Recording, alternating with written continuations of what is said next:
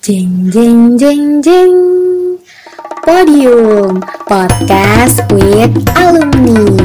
Di sini tempatnya ngobrol santai bersama alumni. Selamat pagi, siang, sore, malam, sobat kompot semua. Nah, dalam segmen kali ini, dalam segmen podium, kita akan kedatangan seorang alumni. Nah, sebelum itu, perkenalkan nama gue Pandika Wijaya dan temen gue Halo, gue Rahul sebagai host magang yang bakal nemenin Pandika dalam segmen podium. Nah, oke. Okay. Kali ini kita akan kedatangan seorang alumni, yaitu Kak Rusdil, yang juga merupakan seorang founder atau pendiri dari Navipos. Halo Kak Rusdil, apa kabar? Halo Pandika, Alhamdulillah kabar baik. Halo Rahul, Semoga kita semua di sini senantiasa baik-baik saja dan sehat selalu dan juga halo teman-teman uh, penikmat setia kompot HMPS Pendidikan Kimia. Oke mantap. Uh, Kak Rusdil sebelumnya bolehlah kita perkenalkan dulu, perkenalan Boleh. dulu untuk teman-teman semua. Oke, kalau ada peribahasa tak terima kata sayang ya, maka kali ini kita akan coba saling berkenalan dulu agar kita tetap uh, timbulkan rasa keluargaan kita baik. Sebelumnya Uh, perkenalkan nama saya Muhammad Fadil Fikri. Uh, saya di sini sebagai alhamdulillah menjadi alumni HM uh, Pendidikan Kimia. Uh, saya di angkatan 2014. Alhamdulillah uh, di, uh, kemudian lulus lima tahun berikutnya di sekitar tahun 2019. Gitu alhamdulillah. Dan uh, saat ini alhamdulillah uh, saya masih menjadi seorang penulis, content writer, dan juga sekaligus seorang pendidik. Gitu kan Dika dan Raul. Alhamdulillah, keren banget ya Kak sambil nulis juga. Selama pandemi ini kira-kira kegiatan Kakak apa aja sih Kak? Ya, eh, seperti yang tadi Kak Rusdil sudah jelaskan ya, nah, kegiatan Kakak utamanya adalah sebagai seorang pengajar juga di salah satu uh, sekolah Islam Al Azhar Kemang. Kemudian selain itu kakak saat ini menjadi content writer, Selain itu kakak juga uh, menjadi penulis di beberapa kanal media dan juga uh, sesekali menjadi seorang jurnalis lepas. Itu. Wah, mantap sekali nih ya teman-teman sobat kompot bisa menjadi inspirasi walaupun seorang lulusan pendidikan kimia tapi menjadi seorang jurnalis. Nah, tadi kan saya jelaskan kepada teman-teman kompot semua, Karusdil ini sebagai founder Navipos ya. Mungkin bisa Karusdil jelaskan sendiri itu Navipos itu apa ya, Kak? Ya, Navipos itu adalah suatu platform blog, uh, suatu portal kepenulisan. Jadi Karusdil uh, ini sengaja mendirikan portal menulis Navipos. Kalau teman-teman tahu ya, mungkin ada beberapa portal menulis yang sudah familiar dan sudah sangat terkenal seperti Kompasiana, habis itu The End Times dan lain-lain. Nah, mudah-mudahan dengan kakak mendirikan portal menulis navipos.com ini menjadi ajang ataupun wadah bagi teman-teman khususnya uh, anak-anak ataupun mahasiswa uh, dari UIN Syarif Hidayatullah Jakarta untuk mengembangkan kreativitasnya, mengembangkan bakatnya dalam bakat kepenulisan.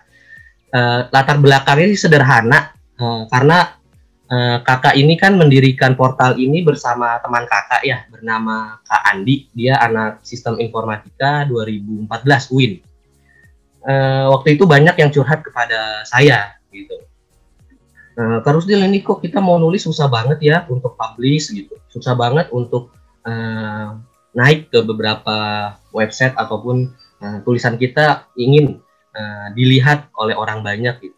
Nah dari situ kakak mencoba menjadi seorang fasilitator dan juga ingin mewadahi bakat-bakat dari teman-teman uh, semua hingga akhirnya kakak uh, sama teman saya satu lagi uh, itu mendirikan Navipos ini. Seperti itu. Jadi latar belakang berdirinya Navipos alhamdulillah saat ini sudah berusia sekitar setahun ya. Nah, sejak tahun 2019 akhir waktu itu. Sejak 2019 akhir Desember kalau nggak salah 2019 alhamdulillah ini sudah sekitar setahun lebih sudah jalan mengudara Navipos gitu Pandika dan Rahul. Alhamdulillah. Berarti awalnya didirikan sebagai wadah ya kak? Betul. Kira-kira gampang gak sih kak biar tulisan kita diterbitin sama Navipos ada nggak syarat-syarat khususnya begitu kak? Ya. Atau apa aja? Oke Rahul, terima kasih. Jadi bagi teman-teman semua yang ingin menulis di Navipos itu syaratnya sebenarnya cukup mudah. Jadi kita di Navipos ini ada beberapa tim inti ya. Kalau total mungkin Navipos ini ada sekitar enam orang tim intinya. Alhamdulillah uh, mereka bersedia bergabung dan juga bersedia menjadi uh, tim dari Navipos. Uh, lalu caranya bagaimana uh, untuk bisa menulis di Navipos? Kalian cukup pertama itu membuat akun yang ada di website navipos.com. Kalian cukup di situ buat akun dulu. Nanti setelah buat akun seperti biasa menggunakan email dan password registrasi. Setelah registrasi nanti konfirmasi lewat uh, email ya, konfirmasi lewat email. Nanti di situ ada kode unik dan passwordnya. Silakan habis itu kalian dapatkan password. Silakan login kembali ke website Navipos. Nah, setelah kalian login, insya Allah kalian sudah akan otomatis uh, mendapatkan akun. Nah, jika sudah memiliki akun, kalian akan dipersilakan langsung untuk uh, memproduksi tulisan kalian. Nah, nanti dari tim kita akan merecek atau memverifikasi kira-kira tulisan kalian itu layak atau tidak untuk dipublikasikan. Nah, jika kalian tulisannya layak, uh, maka tim dari kami akan memverifikasi dan mengupload tulisan kalian di website portal menulis. Gitu, tahu jadi caranya. Uh, Oke, okay, berarti jika teman-teman semua sobat kompot ini berminat, jadi hmm. uh, di Navipos itu akan kayak seperti membuka member gitu ya kak ya? member Betul. join gitu ya. Ya, jadi dalam istilah jurnalis itu ada namanya citizen journalism. Citizen journalism itu adalah memperoleh informasi itu berdasarkan dari peristiwa yang ada di sekitar kita di masyarakat. Jadi eh, masyarakat itu bisa langsung menulis uh, apa yang ingin disampaikan oleh masyarakat tersebut. Itu dinamakan citizen journalism. Tapi tetap uh, tanggung jawab ataupun uh, apa legalitas dan semacamnya itu tetap ada di uh, penulis ya di penulis tersebut jadi uh, makanya itulah kenapa kita ingin tulisan yang ada di Navipos itu tetap ingin sesuai dengan kaidah-kaidah jurnalistik yaitu uh, seimbang habis itu tidak terprovokasi dan tidak memuat konten-konten sara ataupun provokatif jadi gitu uh, Pandika Wah keren banget jangan lupa ya teman-teman kompot yang punya tulisan yang suka nulis boleh tuh diterbitin di Navipos boleh banget. Nah, iya, boleh betul. banget. Nah, jadi ini kan. oh iya, sedikit promosi nah, ya. Oke, siap. Jadi selain Silakan, kita Kak. untuk uh, se jadi se selain teman-teman ingin mengupload tulisan di Navipos, kita juga uh, punya komunitas namanya Sobat Navi Menulis. Jadi nanti di situ kita bisa adakan uh, pelatihan kepenulisan, kita juga bisa sharing-sharing diskusi tentang konten-konten yang bagus dan bagaimana cara-caranya agar tulisan kita itu dilihat banyak orang. Nah, di situ nanti Nah, jadi teman-teman semua bisa bergabung menjadi komunitas Navi Pos. Nah, di situ kita akan menyelenggarakan event-event seru tentunya, event-event pelatihan dan semacamnya, dan juga event-event seru. Sebenarnya kemarin kita sudah hampir jalan, itu namanya uh, travel blogging. Jadi itu kita menulis sambil sekaligus jalan-jalan gitu. Cuma karena berhubung pandemi sudah datang, uh, travel blogging itu kita stop dulu untuk saat ini. Insya Allah nanti jika suasana sudah mulai kondusif, Eh, beberapa program di komunitas Sobat Navi Pos Menulis itu akan kita uh, jalankan lagi. Gitu Pandika sama Rahul. Oh, jadi ada seperti macam komunitasnya juga ya, Kak ya?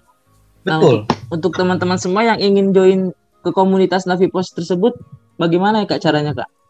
Ya, tentunya pasti dia sudah memiliki akun ya, akun menulis di Navi Pos. Kemudian nanti uh, silakan uh, hubungi kontak member uh, kontak yang ada tertera di akun medsosnya Navipos. Nah, di situ kalian bisa tanya-tanya lebih detail tentang komunitas sobat menulis Navipos gitu ya. Oke, Kak Rusdil. Jangan lupa ya teman-teman. Oh iya, Kak. By the way, selain Navipos, ada nggak kayak media lain yang Kakak bangun? Oh iya. Alhamdulillah sebelum Navipos ini Navipos ini uh, adalah beberapa produk uh, tulisan platform yang sudah kakak bentuk. Sebelumnya kakak sudah juga membentuk beberapa platform uh, kepenulisan. Salah satunya mungkin ada namanya muslimat.id. Di situ alhamdulillah kakak bekerja sama dengan senior kakak. Dia merupakan co-founder Kompasiana, co-founder Kompasiana dan juga uh, wartawan senior Kompas ya, kompas.com namanya Pak Iskandar. Nah, di situ kakak dengan Pak Iskandar itu mendirikan dan mengembangkan portal kepenulisan muslimat.id. Nah, dari katanya aja muslimat ya, di situ berarti uh, kita menyajikan konten-konten seputar wanita muslimah, mulai dari isu uh, kosmetik, isu hijab, hijaber, dan lain-lain. Nah, di situ portal uh, muslimat.id. Kemudian yang kedua, uh, tfanews.com. tfanews.com ini uh, kakak dirikan bersama senior kakak juga di dia juga seorang uh, wartawan, seorang jurnalis dan juga sekaligus uh, apa ya uh, difasilitator juga oleh Bapak Dubes uh, mantan Bapak Dubes Indonesia untuk Azerbaijan Pak Husnan Bevanani. Nah, di situ kita berdiskusi untuk membuat portal khusus uh, dunia traveling. Hingga kita kita memutuskan uh, mengutus nama atau membentuk namanya tfanews.com. Kemudian setelah itu udah sih itu aja dua portal itu uh, yang oh ya yang kemudian yang ketiga. Yang ketiga itu adalah kata indonesia.com yang ketiga itu adalah kata indonesia.com kalau kata indonesia.com ini uh, kakak direkrut sebelumnya jadi bukan sebagai founder ya ataupun co-founder jadi kakak di situ direkrut oleh teman kakak juga dia jurnalis MNC Media uh, untuk membentuk portal uh, berita portal informasi bernama kata indonesia.com uh, yang dimulai atau yang didirikan sejak tahun 2018. Nah, dari pengalaman kakak mendirikan ataupun membentuknya uh, beberapa platform itu, akhirnya kakak uh, tercetus keinginan kenapa enggak kita buat aja platform khusus kepenulisan. Nah, hingga akhirnya lahirlah nama Navi Pos ini. Seperti itu Rahul nama Kadika. Oke, Kak, keren banget. Berarti ada tfanews.com, muslimat.id, dan kataindonesia.com. Jangan lupa ya. teman-teman kompot, kunjungin juga ya. Boleh. Nah, mantap sekali ini Kak Rusdil. Nah, selanjutnya ini Kak. Nah, dari apa sih Kak yang men-trigger atau yang menjadi alasan Kakak untuk merintis berbagai media tersebut dan tujuannya apa dari awal Kakak merintis media-media tersebut? Oke. Okay sebenarnya menjadi trigger ataupun motivasi kakak kenapa ingin merintis uh, beberapa tadi berbagai platform yang kakak bentuk sebenarnya simpel sederhananya adalah kakak pengen tuh karya kakak ataupun karya teman-teman khususnya uh, generasi-generasi muda itu tersampaikan ataupun uh, di luar uh, apa terpublish secara luas dan dirasakan manfaatnya oleh masyarakat sekitar. Jadi uh, kakak ingin uh, kakak karena berdasarkan pengalaman kakak juga ya dulu pas waktu menjadi mahasiswa di uh, di Pekimia uh, di semester-semester awal itu ingin sekali menerbitkan tulisan yang termuat di media. Tapi kan kita ketahui sendiri ya, uh, sangatlah susah ataupun sulit gitu. Akhirnya kakak menuliskan beberapa konten-konten tulisan opini kakak itu di media sosial. Kan sayang kalau di media sosial kan lingkupnya hanya yang baca kan hanya teman-teman yang sudah kita uh, apa ya, sudah kita confirm ya di media sosial yang ada di media sosial itu. Nah, hingga akhirnya dari pengalaman itulah kakak ingin uh, ternyata banyak loh tulisan-tulisan ataupun generasi-generasi muda, khususnya anak-anak muda itu ternyata konten-kontennya bagus, tapi sayang uh, tidak terpublish secara luas gitu. Nah, makanya kakak ingin tulisan-tulisan yang ada, uh, kita ingin mewadahi tulisan-tulisan yang istilahnya apa ya, uh, yang yang tidak bersinar sebenarnya uh, dia ibarat kata seperti mutiara ya, mutiara di lautan. Mutiara di lautan itu meskipun dia tempatnya gelap dan uh, apa pun uh, gelap tapi tetap bernilai. Nah makanya kakak ingin tuh uh, teman-teman generasi muda tuh ingin uh, mempublish atau mempublikasikan tulisannya itu agar lebih dibaca. Kemudian yang kedua kakak ingin teman-teman uh, mensosialisasikan ya, mensosialisasikan atau mengkampanyekan uh, literasi kepenulisan itu. Karena literasi kepenulisan ini banyak uh, beberapa anak muda yang masih skeptis dan masih apatis terhadap dunia kepenulisan khususnya apalagi di pekimia ya. Di pekimia itu kan uh, kita diajarkan tentang sains kita diajarkan dengan mol molaritas tokiometri dan lain-lain. Nah dari situ sebenarnya kita uh, kita tuh jangan sampai kita hanya memiliki ataupun kita hanya menguasai satu bidang ilmu. Jadi kita, uh, kakak pengen tuh anak-anak uh, uh, khususnya kita ya di pekimia itu juga kita bisa uh, memiliki bakat atau soft skill yang lain. Nah salah satunya adalah uh, kepenulisan Nah, jadi gitu uh, alasan utama ataupun kenapa kakak ingin men, uh, menjadi motivasi agar mendirikan beberapa platform media tersebut, uh, Pandika sama Rahul. Berarti pada saat itu kakak berpikiran untuk membuat wadah untuk teman-teman semua untuk menyalurkan aspirasinya kak, seperti itu kak? Ya, betul betul. Wah mantap sekali. Iya sih emang karena saat ini mahasiswa kan banyak mungkin ada yang berbakat dan tidak ada yang mewadahinya gitu ya kak ya ya betul betul banget Ya, Rahul? Oke kak, dari berbagai media tersebut yang kakak punya itu manfaat untuk masyarakat tentu sudah terasa kak. Seperti pastinya menambah pengetahuan dan wawasan. Nah kalau dampak kakak sendiri apa sih kak? Ada nggak yang kakak rasain? Oh iya. Sebenarnya kalau perihal manfaat kakak mendirikan platform itu sebenarnya kalau kakak bilang sebenarnya nggak ada uh, apa ya masih minim manfaat bagi kakak sendiri gitu. Malah kakak harus merogoh kocek dari kantong kakak sendiri gitu. Khususnya yang Navipos ini ya. Navipos ini benar-benar kita tuh uh, benar-benar uh, gotong royongnya itu sangat terasa. Jadi kita benar-benar uh, saling apa ya saling gotong royong dan juga khususnya untuk pengelolaan ini pengelolaan Navipos nah kemudian manfaat untuk kakak sih sederhana mungkin kakak hanya ingin apa ya dari manfaat uh, selama mendirikan beberapa portal kepenulisan itu alhamdulillah uh, jejaring ataupun circle kakak itu makin bertambah. Jadi gitu. Jadi itu salah satu manfaat yang bisa kakak rasakan. Jadi uh, selain kakak mendirikan portal media ternyata uh, banyak uh, dari situ kakak bisa berkomunikasi dengan orang pemerintahan kakak di situ kakak berkomunikasi dengan orang ataupun tokoh publik dan semacamnya. Nah dari situ kakak jadi apa ya? Uh, kita membuka uh, membuka circle yang baru uh, dengan tujuan itu agar kita itu uh, karya kita itu agar semakin dipublish atau semakin dikenal. Jadi uh, itu salah satu manfaat uh, dari kakak uh, selama mendirikan beberapa platform media itu. Jadi lebih lebih apa ya? Lebih memiliki circle ataupun jaring uh, pertemanan itu lebih lebih luas cakupan luas pertemanannya. Nah, gitu. Jadi Rahul Andika. Oke baik. Berarti untuk impact yang kakak rasakan saat ini itu memperluas jaringan dan circle kakak? Dari beberapa teman-teman komunitas juga mungkin merasakannya kayak ya? karena karena dari kan komunitas itu banyak orang juga memperluas circle-nya gitu. Teman-teman yang bergabung dengan komunitas Iya betul sama sama banget. Oke kita lanjut. Nah untuk kakak ada gak sih kak tokoh motivator yang membuat kakak termotivasi dalam dunia jurnalistik ini? Kalau tokoh motivator untuk di bidang jurnalis ini sebenarnya uh, tokoh motivator kakak itu Pak Muhammad Nuh ya atau Ketua Dewan Pers saat ini itu motivator kakak kenapa alasan kakak ingin uh, menjadi seperti beliau jadi kalian kenal bapak Muhammad Nuh kenal nggak Rahul sama Pandika jadi bapak Muhammad Nuh ini dia mantan menteri pendidikan dan kebudayaan nah ternyata sekarang ini sebelum uh, Bapak Muhammad Nuh merintis menjadi seorang menteri, ternyata beliau juga dulunya seorang aktivis dan juga seorang jurnalis. Itu. Nah, itu ala motivasi kakak ingin seperti beliau. Jadi selain di bidang akademik beliau yang sangat bagus, ternyata di bidang kepenulisan beliau juga sangat bagus.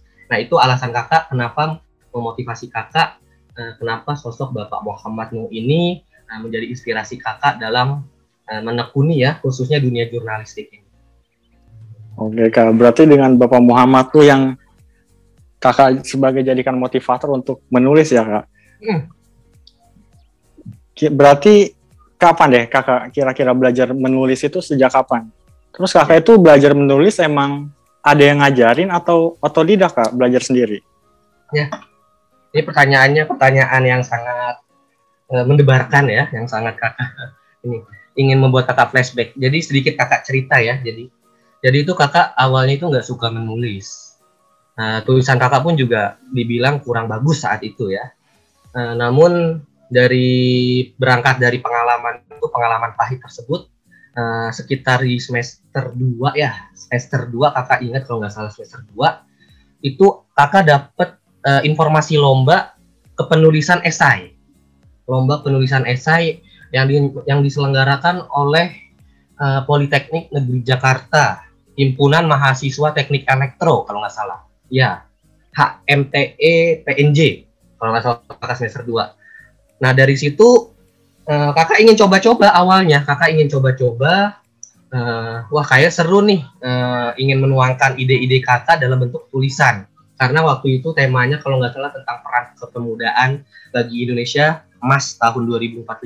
Nah dari situ kakak coba coba coba-coba ya awalnya coba-coba dan ternyata uh, kakak keluar sebagai juara ketiga dari lomba penulisan esai itu hingga akhirnya diundang oleh uh, teman-teman panitia untuk presentasikan hasil karya tulis kakak di PNJ. Alhamdulillah kakak uh, meraih juara ketiga penulisan esai. Nah dari situ kakak merasa termotivasi dong. Ternyata oh ternyata dunia kepenulisan itu nggak seperti nggak uh, menyeramkan seperti yang kakak kira. Gitu. Hingga akhirnya dari situ kakak coba terus mengolah hasil-hasil tulisan kakak kakak berdiskusi dengan beberapa senior yang ada di kampus ya yang uh, istilahnya sudah sangat expert juga dalam bidang kepenulisan hingga akhirnya waktu tahun 2017 atau 2018 gitu di bulan Agustus itu ada lowongan uh, bukan lowongan ya uh, lomba juga lomba menulis artikel berita yang diadakan oleh PLN nah di situ uh, kakak coba-coba lagi gitu kan seperti coba-coba saat datang dan kakak takjub uh, ternyata di situ itu sama sekali nggak ada uh, mahasiswa non non apa ya? Non jurnalistik. Jadi semuanya itu mahasiswa jurnalistik ataupun mahasiswa ilmu komunikasi. Di situ kakak pas saat ditanya oleh panitia kamu dari jurusan mana? Saya bilang uh, saya dari jurusan pendidikan kimia. Nah di situ kakak ngerasa wah Eh, menjadi plus yang sangat luar biasa dan juga menjadi atensi yang sangat luar biasa dari teman-teman panitia dan juga peserta saat itu ternyata ada uh, mahasiswa non jurnalistik ataupun non ilmu komunikasi yang ingin mengikuti lomba itu lomba di PLN. Alhamdulillah ternyata kakak terpilih uh, 10 besar ya 10 besar uh, lomba kepenulisan PLN. Jadi uh, dah dari situ alhamdulillah ternyata kakak diajak kerjasama oleh senior kakak namanya Mas Hafiz. Dia senior uh, dia juga jurnalis di MNC Media. Nah, dari situ kakak diajak tadi uh, masuk ke portal kepenulisan uh, kata indonesia.com. Nah, dari situ kakak mulai mengasah lagi uh, khususnya tulisan-tulisan kakak yang berbentuk uh, artikel atau fitur. Kalau dalam dunia penulisan itu ada namanya tulisan fitur. Tulisan fitur itu seperti tulisan artikel berita.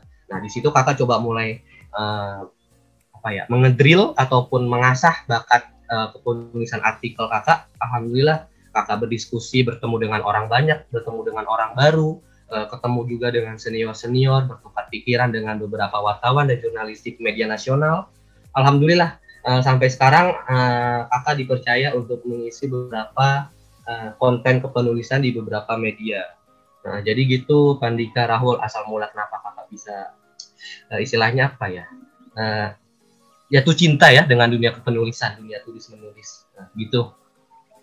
Berarti kakak itu keren juga kak. Awal-awalnya coba-coba, tapi hasilnya ternyata memuaskan banget ya kak. Ya, Di pertama coba sangat, aja, saya ketiga. Ya, itu yang sangat apa ya? Sangat kakak juga bingung gitu loh. Kok bisa ya? Baru coba-coba tapi juara ketiga gitu. Nah dari situ ya udah karena kita ada juara, jadi merasa termotivasi gitu, uh, Rahul. Iya kak, bener banget. Pasti kita ingin terus meningkatkan ya kak. Itu. Ingin coba-coba lomba lainnya. Tadi yang seperti Kak Rusdil bilang, Kak Rusdil kan mencoba-coba ya kak. Nah hmm. untuk teman-teman kimia yang masih takut nih, mungkin ada bakat penulisan, bakat jurnalistik, tapi dia tuh masih takut-takut untuk mencoba ikut perlombaan gitu loh, sehingga dirinya tidak bisa berkembang lebih gitu kak. Nah itu untuk saran dari kakak seperti apa kak? Oke, hambatan terbesar kita adalah berasal dari diri kita sendiri. Itu kalau kata motivator. Jadi eh, kita harus bisa menaklukkan diri kita sendiri. Itu yang paling utama sebelum kita ingin uh, memulai suatu uh, kegiatan ya ataupun ingin memulai uh, suatu aktivitas uh, yang sudah kita niatkan. Jadi ketika kita sudah uh, menaklukkan uh, rasa takut terhadap diri sendiri tadi yang disampaikan oleh Pandika, maka kita insya Allah ke depannya uh, melangkah akan lebih mudah gitu. Jadi bagi teman-teman mahasiswa pendidikan kimia yang masih ragu ataupun takut dalam bidang dunia kepenulisan, uh, saran kakak jangan takut. Buktinya banyak alumni-alumni pendidikan kimia itu yang sudah sangat bakat uh, di bidang kepenulisan. Kakak kenal beberapa orang-orangnya, bukan alumni ya, bahkan masih ada menjadi mahasiswa pun uh, masih aktif di dunia kepenulisan dan juga di, bisa dibilang sudah menguasai dunia kepenulisan. Nah, makanya eh, teman-teman, uh, mari kita sama-sama uh, kita lawan rasa takut kita, yaitu dengan cara kita Nah, tingkatkan rasa kepercayaan diri kita.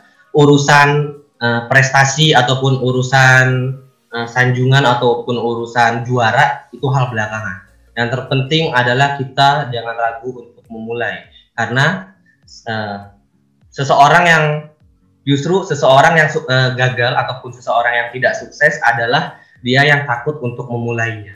Jadi gitu Pandika sama Ramon. Oke, berarti pesan dari Kak Rusdil jangan takut untuk memulai dan taklukkan diri sendiri. Karena ya. hanya kita yang bisa. Oke, selanjutnya nih Kak. Sebagai jurnalis, topik apa nih yang paling suka Kakak angkat? Ya. Uh, biasanya kalau kakak itu lebih suka ke dunia-dunia uh, yang sifatnya soft news ya, ataupun tulisan-tulisan yang ringan. Topik yang sering kakak angkat adalah kehidupan sehari-hari. Jadi mulai dari uh, aktivitas kegiatan kita seperti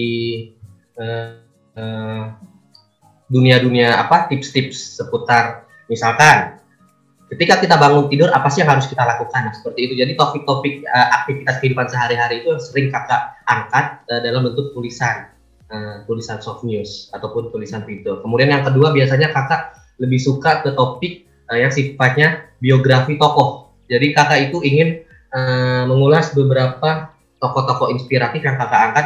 Habis itu kakak buat biografi atau tulisan singkatnya atau portofolio singkatnya kemudian kakak publikasikan uh, menjadi sebuah tulisan. Nah itu jadi topik top, uh, dua topik itu yang sering kakak angkat uh, Rahul.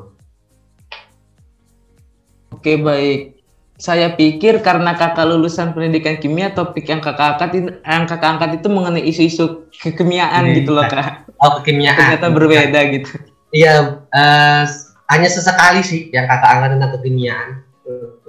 Hmm, berarti nggak se nggak selalu apa ya anak pendidikan kimia yang terjun ke dunia jurnalistik itu berkutit dengan hal-hal yang kimia gitu ya kak ya? Oh iya, iya nggak selalu nggak selalu. Karena kita juga mengikuti uh, apa ya respon ataupun mengikuti tren yang ada saat ini gitu. Karena uh, tulisan itu kan uh, sifatnya dinamis ya. Tulisan itu nggak bisa hanya uh, kita hanya membahas isu-isu yang ada di masa lalu, tapi kita harus coba membahas tentang isu-isu yang ada di sekarang. Nah, makanya kalau misalkan uh, kita membahas isu-isu masa lalu itu berarti bukan tulisan, itu berarti namanya sejarah. Oh. Gitu. Nah, berarti harus sesuai dengan update yang terbaru terkini ya kak ya? Ya, betul. Nah, untuk teman-teman semua nih, juga ini saya ingin bertanya nih kepada Kak Rustil. Nah, untuk teman-teman yang ingin atau baru pertama kali ingin menulis, apa sih yang harus dipersiapkan kak untuk sebelum menulis itu? Ya. Hal-hal apa saja gitu? Uh, ikro, membaca atau bacalah. Jadi ketika kalian ingin menulis, jangan sampai kalian uh, ketika membuat satu paragraf uh, yang terdiri dari sekitar 4 sampai lima kalian, terus kalian mentok karena tadi karena kalian uh, kurangnya informasi yang kurangnya beberapa bacaan ataupun kurangnya beberapa konten-konten informasi yang belum kalian siapkan. Jadi yang pertama kalian harus siapkan sebelum menulis adalah membaca. Kenapa membaca? Karena dengan membaca kita akan memperoleh banyak-banyak informasi. Kita, wawasan kita juga akan terbuka dan kita akan menemukan kosakata, kosakata atau frase-frase yang sangat baru gitu. Nah, dengan membaca juga Eh, kita akan tersedia ataupun kita akan punya bahan konten lebih untuk kita tuangkan di tulisan kita. Itu pertama membaca ya. Setelah kalian membaca, yang kedua adalah uh, jangan ragu untuk memulai. Bu. Jadi uh, yang kedua itu uh, munculkan rasa motivasi kalian bahwa tulisan itu akan kalian buat. Lalu yang ketiga apa ya? Yang ketiga itu sederhananya gini aja. Yang sederhana yang ketiga itu adalah konsisten. Itu yang paling penting jadi yang pertama membaca, yang kedua jangan raga, motivasi, yang ketiga konsisten. Kenapa? Karena kebanyakan uh, kita ya, uh, khususnya bukan uh, bukan hanya kalian, tapi Kak Rudy juga pernah merasakan. Ketika kita sedang ada di mood yang sedang naik, itu kan uh, nulis kita itu uh, apa ya? Kita sangat merasa termotivasi ya, sangat apa? Memiliki rasa kemauan yang sangat tinggi. Tapi ketika mood kita sedang anjlok atau mood kita sedang tidak bagus untuk menulis, itu tulisan kita di stop Nah itu jangan sampai sama halnya seperti skripsi. Jangan sampai kayak gitu ketika kita mau bimbingan itu semangat ya kan. Namun ketika kita jarang dihubungi, kita jarang berkomunikasi oleh dosen, malah kita mengerjakan skripsinya itu jadi kendor. Nah sama aja dengan tulisan. Jadi sebaik-baiknya tulisan itu adalah tulisan yang selesai. Itu kata kuncinya ya. Jadi uh, konsisten memegang peranan penting ketika kalian ingin memproduksi suatu karya tulis. Nah, gitu jadi Rahul sama Pandika tipsnya. Oke kak, berarti yang pertama itu yang paling penting adalah konsisten. Jika sudah memulai, selesaikan. Dan untuk dapat kosakata baru, untuk wawasan baru, tentu kita harus membaca juga ya kak. Ya, betul. Dan yang terakhir, jangan ragu untuk memulai. Jika kita udah membaca, cuma nggak mulai-mulai, sama aja tulisannya nggak jadi-jadi ya kak. Ya, betul, betul. Oke. Selanjutnya, kakak juga aktif ya kak di berbagai organisasi ekstra atau intra. Alhamdulillah. Berarti Alhamdulillah. tanpa mengesampingkan akademik, gimana nih cara kakak memanajemen diri supaya tetap bisa seimbang antara organisasi dan akademik? Ya. Eh, sedikit flashback ya ke masa-masa kampus. Sebenarnya cara menyeimbangkan dunia akademik dan dunia organisasi itu gampang. Yang pertama, kita harus kenal diri kemampuan diri kita sendiri. Jadi kita eh, harus tahu seberapa kapasitas yang ada di diri kita. Kalau misalkan kita, wah aku ternyata orangnya introvert ya, lah lebih baik kalian berarti fokus ke hal-hal yang berkaitan dengan introvert. Tapi kalau kalian merasa, wah ternyata aku, uh, gue ya, saya gitu, saya uh, suka ya, senang berkomunikasi, senang ber apa ya, berdialog ataupun berbicara. Oh ternyata aku orangnya ekstrovert. Oh ternyata cocok nih organisasi uh, buat aku gitu kan. Itu. Kemudian Uh, setelah kalian kenal diri sendiri, caranya adalah yang kedua, kalian harus bisa mempunyai manajemen waktu yang bagus atau yang baik. Karena kebanyakan, uh, tem- uh, kakak juga punya beberapa teman, termasuk kakak sendiri ya. Dulu waktu awal-awal saat uh, apa ya berkecimpung di beberapa organisasi itu hampir hampir keteter dunia akademik kakak, uh, dunia kuliah kakak. Sehingga akhirnya di situ kakak bercoba konsultasi dan juga cari-cari uh, literatur tentang manajemen waktu. Nah, ternyata dari situ kakak temukan cara manajemen waktu uh, yang baik, uh, cara menyeimbangkan uh, dunia kuliah dan juga dunia organisasi. Jadi yang kedua itu ya, uh, ketahui manajemen waktu. Yang pertama kenali diri sendiri, yang kedua uh, ketahui manajemen waktu. Kemudian yang ketiga, cara kakak biasanya adalah uh, berpikiran positif. Berpikiran positif. Maksudnya apa kak? Berpikiran positif Nah, jadi ketika kakak ingin berkecimpung ke dalam dunia organisasi dan juga uh, ingin konsisten uh, dengan nilai-nilai kakak di akademik, nah itu salah satunya kita harus berpikiran positif dulu. Berpikiran positifnya itu dalam hal apa? Berpikiran positifnya itu tadi dalam hal uh, sudah sejauh mana kita mengenal diri kita sendiri. Karena kebanyakan kita tuh gimana ya sulit menyeimbang Uh, ketika kita masuk organisasi itu kita kadang suka ke bawah arus jadi keterusan itu ketika waktunya UTS ataupun waktunya U, apa ujian akhir semester ya UAS uh, ujian gitu kan di kampus itu ternyata kita masih belum siap. Kita belum belajar kita belum apa-apa. Nah makanya tadi yang ketiga itu kita berpikiran positif yaitu kita jangan sampai uh, kita nggak tahu nih mana yang harus kita dahulukan atau mana yang harus kita fokuskan. Jadi kita harus punya batasan-batasannya gitu. Itu ya jadi Raul sama Pandika tips sedikit tips dan trik bagaimana menyeimbangkan akademik sama organisasi. Oke kak, jadi berpikir positif supaya kita bisa mengenali kemampuan diri, mm-hmm. barulah manajemen waktu dengan baik. Ya. Ngomongin manajemen waktu nih kak, hmm. sebagai guru kimia dan jurnalis, gimana nih cara kakak membagi waktunya? Wah. Iya. Oke, terima kasih Rahul, pertanyaannya juga bagus. Jadi uh, uh, gimana ya kakak itu sebagai jurnalis itu hanya sebagai hobi karena hobi kakak kan nulis. Jadi sebagai penyalur hobi di situ. Nah kemudian uh, fokus utama kakak tetap adalah pengajar utama. Karena sebagai uh, background kependidikan kakak ya di pendidikan kimia kakak ingin ilmu kakak itu juga bermanfaat apa yang kakak miliki. Jadi tetap profesi utama kakak adalah mengajar. Kemudian yang kedua adalah jurnalis. Jadi kalau misalkan didahulukan mana, ya kakak tetap dahulukan mengajar. Baru yang kedua uh, dunia kepenulisan ataupun jurnalis. Kemudian cara membagi waktunya gimana kak? Jadi gini, simpelnya kan kita waktu sama-sama diberikan oleh Allah itu 24 jam ya. Itu nggak ada. Rahul, Pandika dikasih waktu 25 jam, kakak cuma 23 jam. Nggak ada kan ya kayak gitu. Kita semua sama dikasih waktu 24 jam. Tinggal bagaimana kita mengelola waktu itu dengan sebaik mungkin, ya kan? bagaimana cara kita mengelola setiap waktu yang diberikan oleh Allah itu nikmat sehat kita juga menjadi sesuatu hal yang produktif. Itulah mengapa?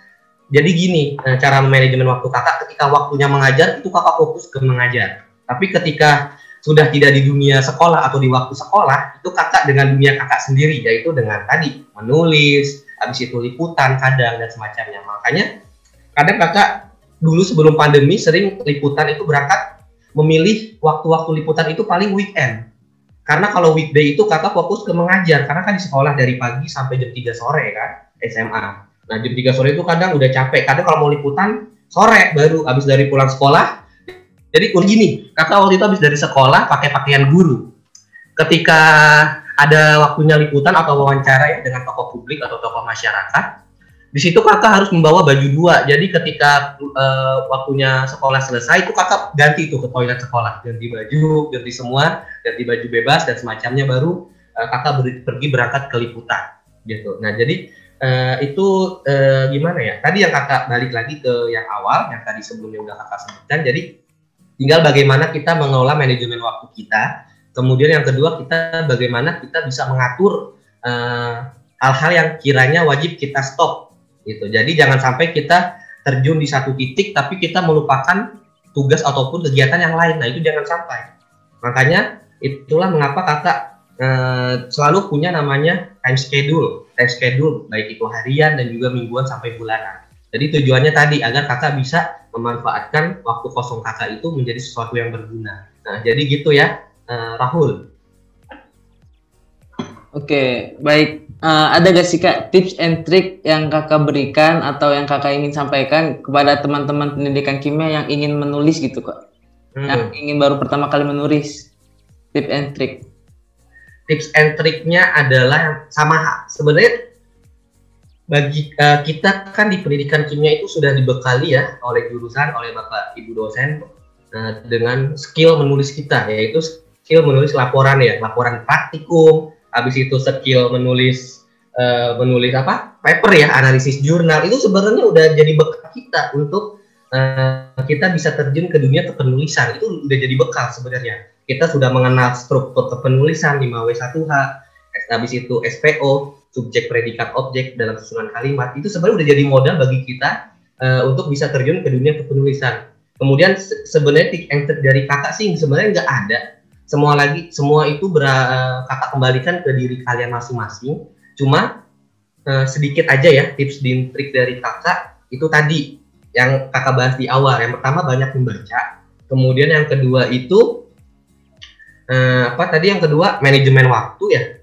Kalian harus bisa manajemen waktu. Kemudian yang ketiga itu uh, apa? Jangan takut untuk memulai. Dan selalu konsisten ya kak. Ya konsisten juga. Ya betul oh ya benar yang pertama ya. itu membaca yang kedua itu konsisten yang ketiga itu uh, apa tadi? Kata jangan ragu memulai. Nah, jangan ragu untuk memulai. Jangan. ya itu ah, itu. Oke mungkin ke selanjutnya nih kak. Hmm. apa harapan kakak untuk anak muda terkait dengan dunia kepenulisan? Ya, simple aja. Karena kan kakak juga masih muda ya, jadi kakak masih bisa dikatakan anak muda. Jadi kakak ingin agar banyak anak muda itu uh, suka ataupun tertarik dengan dunia kepenulisan atau khususnya dunia literasi ya, dunia literasi. Karena sekarang uh, kita ketahui anak muda itu sangat eh, nggak uh, suka ataupun tidak tertarik dengan dunia literasi. Uh, itu terbukti ya dari hasil penilaian PISA itu dunia literasi Indonesia atau tingkat literasi kita negara Indonesia itu peringkat tiga peringkat tiga tapi tarik paling bawah bukan dari atas ya peringkat tiganya nah makanya itu eh, harapan kakak sebenarnya banyak ingin banget banyak anak muda itu tertarik dengan dunia kepenulisan kemudian yang kedua harapan kakak itu agar eh, kita senantiasa memproduksi tulisan-tulisan kita itu yang sifatnya eh, bermanfaat untuk orang lain jangan sampai kita membuat tulisan itu hanya sebatas emosi kita belaka. Jadi misalkan, wah gue lagi gak suka nih sama si doi gitu kan, lagi marahan sama si doi. Terus kita buat uh, tulisan, tulisan misalkan tulisan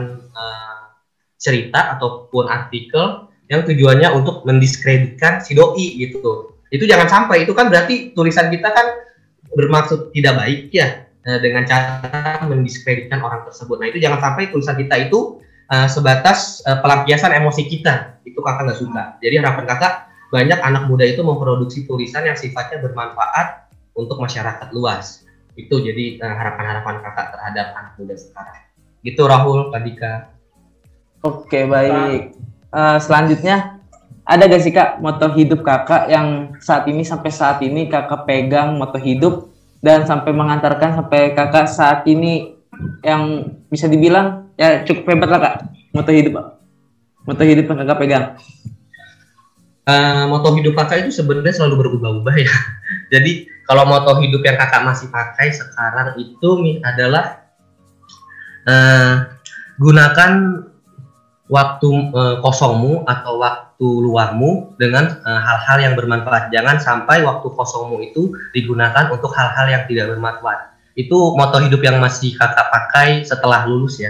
Jadi gitu. Jadi kakak ingin menerapkan bahwa eh, kakak usahakan banget gitu. Eh, setiap waktu yang ada eh, yang kakak punya, setiap waktu yang kakak gunakan itu minimal sangat bermanfaat dan juga berproduktivitas. Jadi jangan sampai kakak hanya dicap sibuk tapi tidak produktif. Nah itu jangan sampai.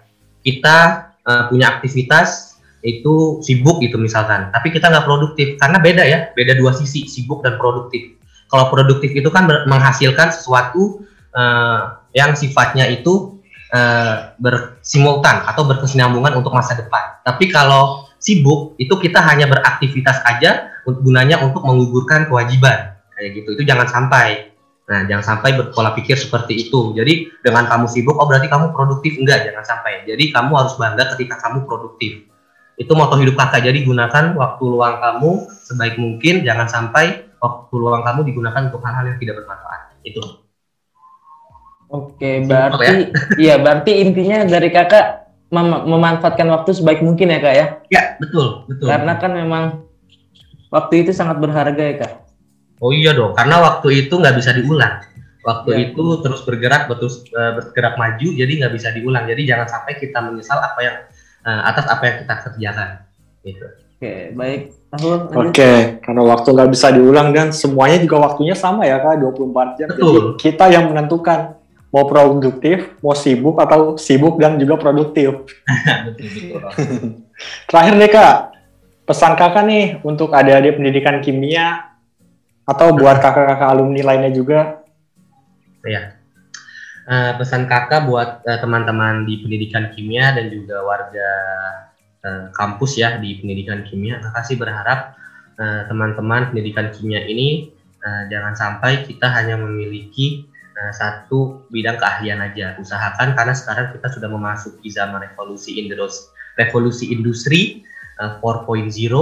Jadi kakak harap minimal banget kita mempunyai dua keahlian, baik itu keahlian bahasa, keahlian kepenulisan dan lain-lain kan kita di pendidikan kimia sudah punya bekal nih bekal yaitu akademik ya akademik dan juga pengajaran pendidikan nah jangan sampai kita uh, tidak mempunyai soft skill yang lain jadi kita hanya uh, apa ya hanya termakan atau hanya kita ingin ada di zona nyaman kita aja. Jadi kakak harap uh, uh, banyak tokoh-tokoh ataupun uh, tokoh masyarakat yang lahir dari uh, jurusan pendidikan kimia yang bermanfaat untuk masyarakat dan juga uh, bangsa Indonesia. Jadi kakak harap Semoga pendidikan kimia semakin sukses dan juga makin berkarya, khususnya bagi teman-teman semuanya.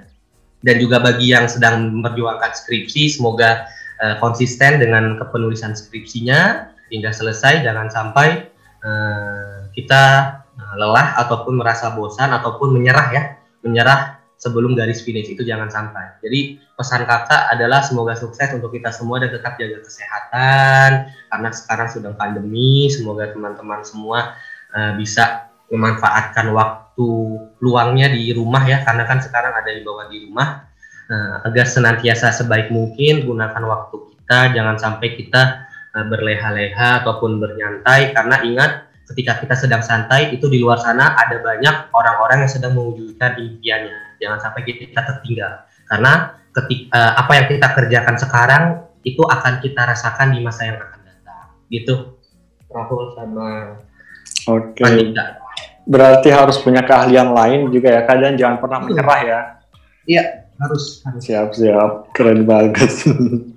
ilmu Ya. banget, banyak banget kita dapat ilmu nih kak. Semoga Nah, iya. teman-teman kompot juga bisa termotivasi yang ingin menulis. Iya nih benar. Nah Iya, untuk teman-teman kompet juga semua bisa nih ya langsung aja join komunitas Navipos ya kak.